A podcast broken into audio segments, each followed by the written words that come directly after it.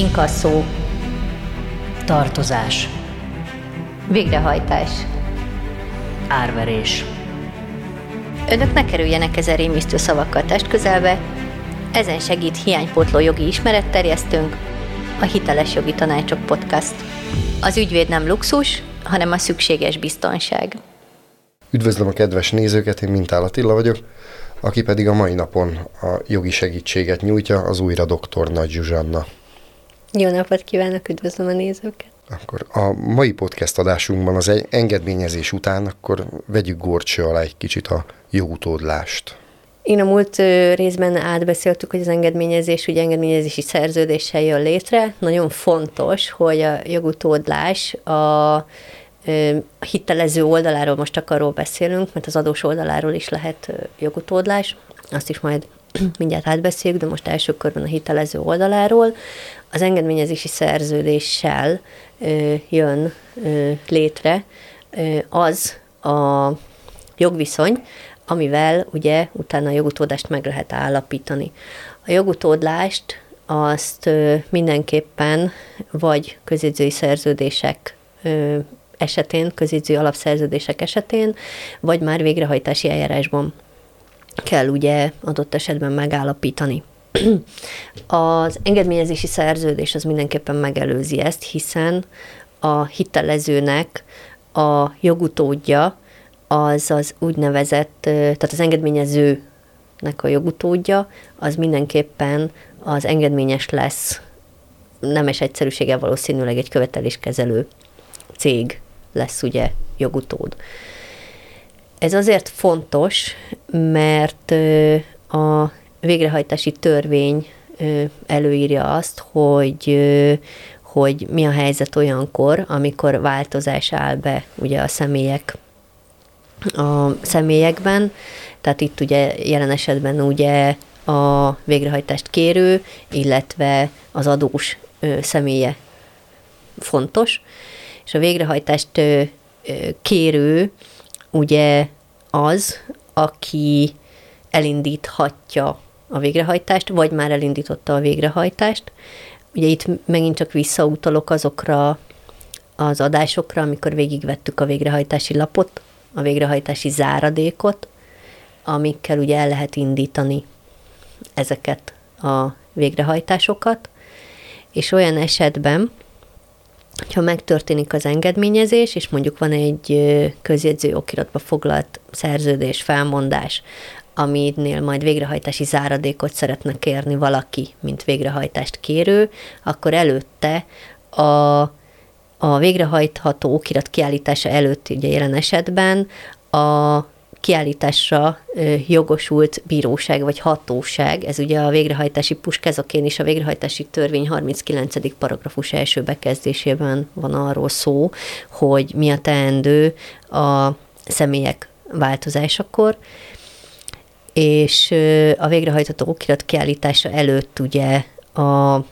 a kiállításra jogosult, a végrehajtható kirat kiállítására jogosult hatóság jelen esetben akár a közjegyző is lehet ez, hiszen a közjegyző nagyon sok esetben bírósági hatáskörrel rendelkezik, vagy maga a bíróság, aki ugye végre, a végrehajtható kiratot kiállíthatja. Adott esetben neki kell megállapítani a jogutódlást. Ha ezt a jogutódlást nem állapítja meg a bíróság, akkor akkor tulajdonképpen nem jogszerű a végrehajtásban a végrehajtás kérőnek az eljárása. Tehát nagyon fontos az, hogy a jogutódlás kérdése az tisztázott legyen egy végrehajtási eljárás során. A végrehajtási eljárás, ha már elindult, akkor megint puskázok a jogszabályból, tehát a végrehajtható okirat kiállítása után pedig valamilyen változás történik, tehát azután adják el például a követelést, akkor a végrehajtás foganatosító bíróság az, akinek ezt ugye ki kell mondania, hogy jogutódlás történt. Tehát akkor ez a jogutódlás a végrehajtás közben is Igen. megtörténhet, miközben már folyik ellenünk a végrehajtási procedúra. Igen, így van. Mindig, legalábbis ez mi eseteinkben, a mi ügyfeleink esetében mindig volt egy engedményezési szerződés. Van egy engedményezési szerződés, ugye, a jogutódlás megállapítása előtt. Ez azért fontos, mert jogutód ugye olyan valaki lehet, akinek joga van arra a jogutódlásra, a joga végrehajtást kérni. Ez ugye a végrehajtási eljárás során például amikor már elindítul, elindította ugye például a bank a végrehajtást előfordulhat, hogy akkor adja el a követelést, úgy dönt, hogy eladja, akkor ilyen esetben megtörténik az engedményezés, erről ugye értesítenek bennünket, és ezzel a lendülettel beadják ugye a, a bíróságra is a jogutódlás megállapítási kérelmüket. A bíróság ezt megállapítja, hogy akkor most a jogutódja, vagy nem a jogutódja, hogyha szabálytalanul kérik, szabálytalanul adják be, akkor nem fogja megállapítani, tehát akkor visszautasítja ezt a kérelmet, ha pedig a bíróság úgy látja, hogy ez a kérelem, ez, ez rendben van, akkor megállapítja azt, hogy jogutód. Ezt ugye erről ugye értesíti az adóst mindenképpen, hogy történt egy ilyen jogutódlás, és itt jön be az, hogy az adósnak érdemes megnéznie azt, hogy vajon ő szerinte ez a jogutódlás, ez szabályos vagy nem szabályos. Ugyanis a készhezvételt, az értesítés készhezvételítől számított 15 napon belül ezt meg lehet támadni. Tehát ezt a jogos, jogutódlást, ezt, ezt tulajdonképpen meg lehet vétózni. És hogyha adott esetben ez nem szabályos, akkor bizony-bizony az a végrehajtást kérő, az nem kérheti azt a adott ö, ö, végrehajtást például. Akkor itt jellemzően formai hibáról lehet szó, hogy valami formai hibát vétettek. Például igen, formai hibáról. Nekünk volt olyan esetünk, hogy, hogy a jogutódlás megállapítását, jogutódlás megállapítására vonatkozó kérelmet hamarabb adták be, mint hogy az engedményezési szerződést megkötötték volna. Ezt így ne kérdezzék, hogy hogyan sikerült megoldani. Hát ez itt több kellemetlen kérdést is felvet. Igen, ezt ebbe inkább nem menjünk bele, hogy mi a helyzet ugye a dátumokkal, de a lényeg az az, hogy sikerült megvétóznunk így az egész végrehajtást. Tehát tulajdonképpen visszavonták onnantól kezdve a végrehajtási záradékot is, meg egy csomó mindent, amikor ez így például kiderült. De ez a jogutódlás akkor ö, tulajdonképpen mindkét oldalról Igen. létrejött. Az adós oldalán is történhet jogutódlás. Igen, nagyon sok esetben akkor történik, amikor az adós ugye meghal, akkor bizony ö, jogutódlás történik az ő oldalán is, és ezek pedig az örökösök lesznek majd a hagyatékátadó végzés után mint, mint jogutódok. És akkor meg fogják állapítani, ilyenkor a végrehajtónak, hogyha tudomására jut, hogy meghalt az adós, akkor ő neki kell beadni a bíróságra azt, hogy majd a bíróság megállapítja, a, vagy állapítsa meg a bíróság az adósnak a jogutódját. Hát ez pedig nyilván a hagyatéki eljárásban fog Persze, természetesen. Tehát ezt addig, amíg le nem folyik jogerősen a hagyatéki eljárás, addig azért nehéz megállapítani, hogy ki az adósnak a jogutódja, hiszen nem tudjuk, hogy ki az örökös.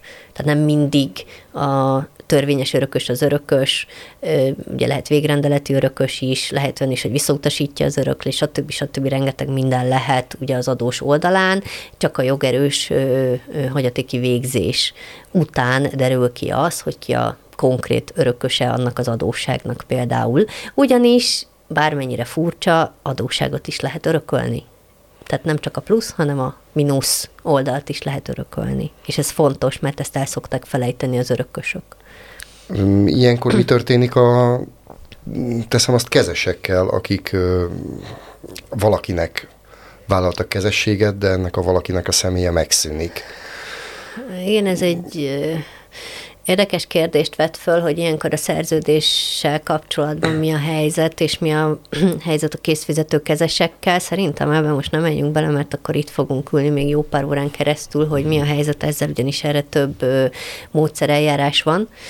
De egyébként maga a kérdés annyiba jó, hogy a kezes, hogyha meghal, akkor ugye ott is adott esetben öröklés, mint olyan szóba jöhet, és, és bizony-bizony például a hitelezők, illetve a végrehajtást kérők nagyon sok esetben ilyenkor jogutótként be akarják vonni, ugyanis a végrehajtást kérő is kérheti a, az adós halálakor az örökösnek a jogutód kénti megállapítását. Bizony van ilyen ügyünk, ahol meghalt a kezes, és ott most bevonták a bírósági perbe az örökösöket. Az egy dolog, hogy mi próbáljuk ezt megvétózni, aztán majd meglátjuk, hogy milyen sikerre majd beszámolok róla. Úgyhogy a jogutódlás az, az ilyen szempontból egy fontos kérdés. Nagyon-nagyon fontos az, hogy, hogy ez szabályos legyen. Ha nem szabályos, akkor akár az adott végrehajtási eljárást is meg lehet állítani, vagy le lehet ugye lassítani adott esetben.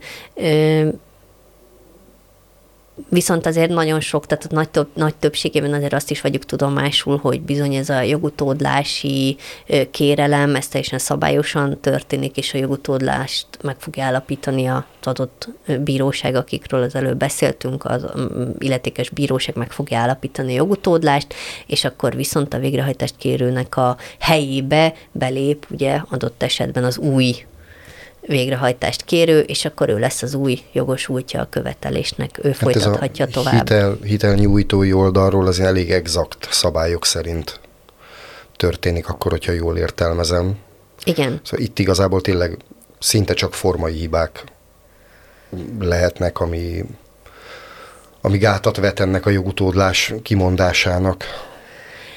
Hát hiányzó szerződés lehet, hiányzó jogalap lehet, hogy miért ő a jogutód, nem tud bemutatni például a szerződés, stb. stb. Ez is sok minden lehetséges még, de valóban például a rosszul dátumozott szerződések is lehetnek a, a vétónak, a, a támadásnak az alapjai. Hát akkor mindenképpen át kell nézni újra ilyen esetben a, a szerződést, illetve a a kapcsolódó dátumokat, számokat, összegeket.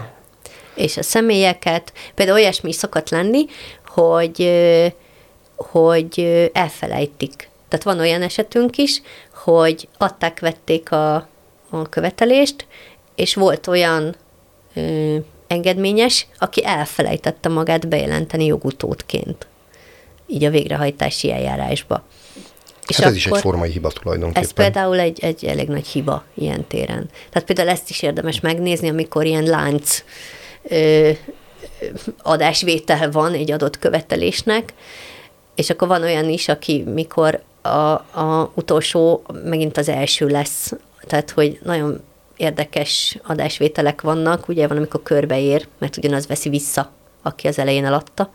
Van ilyen is és ilyenkor bizony a jogutód megállapításokat mindig be kell adni a bíróságra. És ha ezt valaki véletlenül elfelejti, előfordulhat, akkor, akkor ott van már egy hiba, amiben bele lehet kötni például. Hát akkor egy újabb tételt sikerült ezekből a jogi formulákból egy kicsit jobban megismerni. Talán így a jogutódlással is egy kicsit jobban tisztában lesznek a podcastnek a nézői. Igen, érdemes azért ezeket megnézni, leellenőrizni, elolvasni a papírokat, amiket kapunk egyébként, illetve hogyha értelmezésben szükségük van ezeknek a, a kapott okiratoknak az értelmezésében, akkor pedig javaslom, hogy forduljanak ügyvédhez. Hát nekem úgy tűnik, hogy a követeléskezelők itt mm, erősen próbálják kihasználni azt, hogy annyi annyira, annyi egyedi eset, és annyiféle egyedi eset van, hogy, hogy ezekbe próbálnak kapaszkodni, hogy, hogy az egyedi esetekből nehéz kihátrálni, mert egész egyszerűen az adós nem, nem tudja felmérni a, a lehetőségeit. Őszinte leszek, és lehet, hogy ez pár embernek nem fog tetszeni, amit most mondok, de valóban igaz az, és ezt tartom, hogy a követeléskezelő cégek, illetve a bankok nagyon sokszor azt használják ki, hogy az emberek bizonyos dolgokat nem tudnak, nem ismernek, tehát tulajdonképpen egy picit az embereknek a tudatlanságát használják ki. És azt kell mondjam sajnos, hogy sikeresen, legalábbis a nagy többségében sikeresen, és nagyon kevés olyan olyan laikus van, aki tényleg tudatosan elkezdi kutatni azt, hogy milyen lehetőségei vannak. Hát ezt próbáljuk mi ugye valamilyen formában egy kicsit ezt a tudatosságot emelni, meglátjuk milyen sikerességgel, de azért azt veszem észre, hogy akik például bent vannak már a hitelsegítségcsoportban a Facebookon, a kötőjeles felkiáltójeles hitelsegítségcsoportban, azért kaptak már ott olyan ötleteket, tanácsokat, hogy legalább eszükbe jusson az, hogy vannak jogaik kötelezettségeik is vannak értelmszerűen, de hogy nagyon sokszor bizony azokkal a jogokkal élhetnek, és sikeresen is élhetnek. Csak a követeléskezelőnek ugye az az érdeke, hogy elsősorban a kötelességekre hívja fel a figyelmet, és ne a jogaira hát, az adósnak. Mert az adós jogai nagy valószínűséggel inkább csak pénzt bukhat, míg a kötelességein leginkább pénzt kereshet. Igen, illetve konkrétan azért tudnak megtévesztő leveleket is küldeni. Tehát azért azt is lássuk be, hogy nagyon sok követeléskezelő játszik ezzel, hogy megtéveszti az embereket a leveleikkel. Viszont amit szoktam mondani, hogy ha a közjegyzőtől kapnak levelet, a végrehajtótól kapnak levelet, vagy a, vagy a bíróságtól kapnak levelet, akkor ha azt végigolvassák, akkor nagyon sok esetben, tulajdonképpen az összes esetben ezekben a levelekben felsorolják ezek a, a küldők, hogy milyen jogaik vannak, és azt mennyi idő alatt hogyan val- ö, realizálhatják, hogyan élhetnek velük. Tehát olvassák végig a leveleket, amiket kapnak. Ez az első, amit érdemes megtenni. Ha nem értik, akkor pedig kérdezzenek, és ne hagyják magukat. Az átverni szó az itt túl erős? Hmm, nem biztos, hogy az átverés de a, lehetőség, a lehetőségeit maximálisan próbálja kihasználni a másik fél, akkor ezzel én szerintem próbáljunk élni mi is, mert hogyha nekünk is vannak Igen. lehetőségeink, akkor... Jó, akkor visszavonom, akkor nem átverésről van szó, hanem ö, egy picit azzal visszaélés, hogy a milyen tudása van most így a laikusoknak, vagy mi nincsen. Tehát akkor a levél felbontása és elolvasása után, hogyha valami nem teljesen egyértelmű, akkor mindenféleképpen jogi képviselő. Hát kérdezzenek, legyenek szívesek. Vagy legalább egy kérdés. Igen, igen, nagyon szívesen válaszolunk egyébként, mi is. Hát talán sikerült ma is hasznos információkat átadni a kedves nézőknek. Ezt köszönjük szépen a segítségét dr. Nagy Zsuzsanna ügyvédnek. Köszönöm én is. Viszontlátásra. És továbbra is kérem, ne felejtsenek el feliratkozni, nyomni a like gombot és a csengőt, hogy értesüljenek a friss tartalmakról, és köszönöm szépen a mai részvételüket is. Én Mintál Attila voltam a viszontlátásra. A beszélgetésünk nem minősül jogi tanácsadásnak, laikusoknak és nem jogászoknak készül. A célja az általános jogi ismeretterjesztés. Konkrét jogi tanácsadáshoz keressenek fel egy ügyvédet.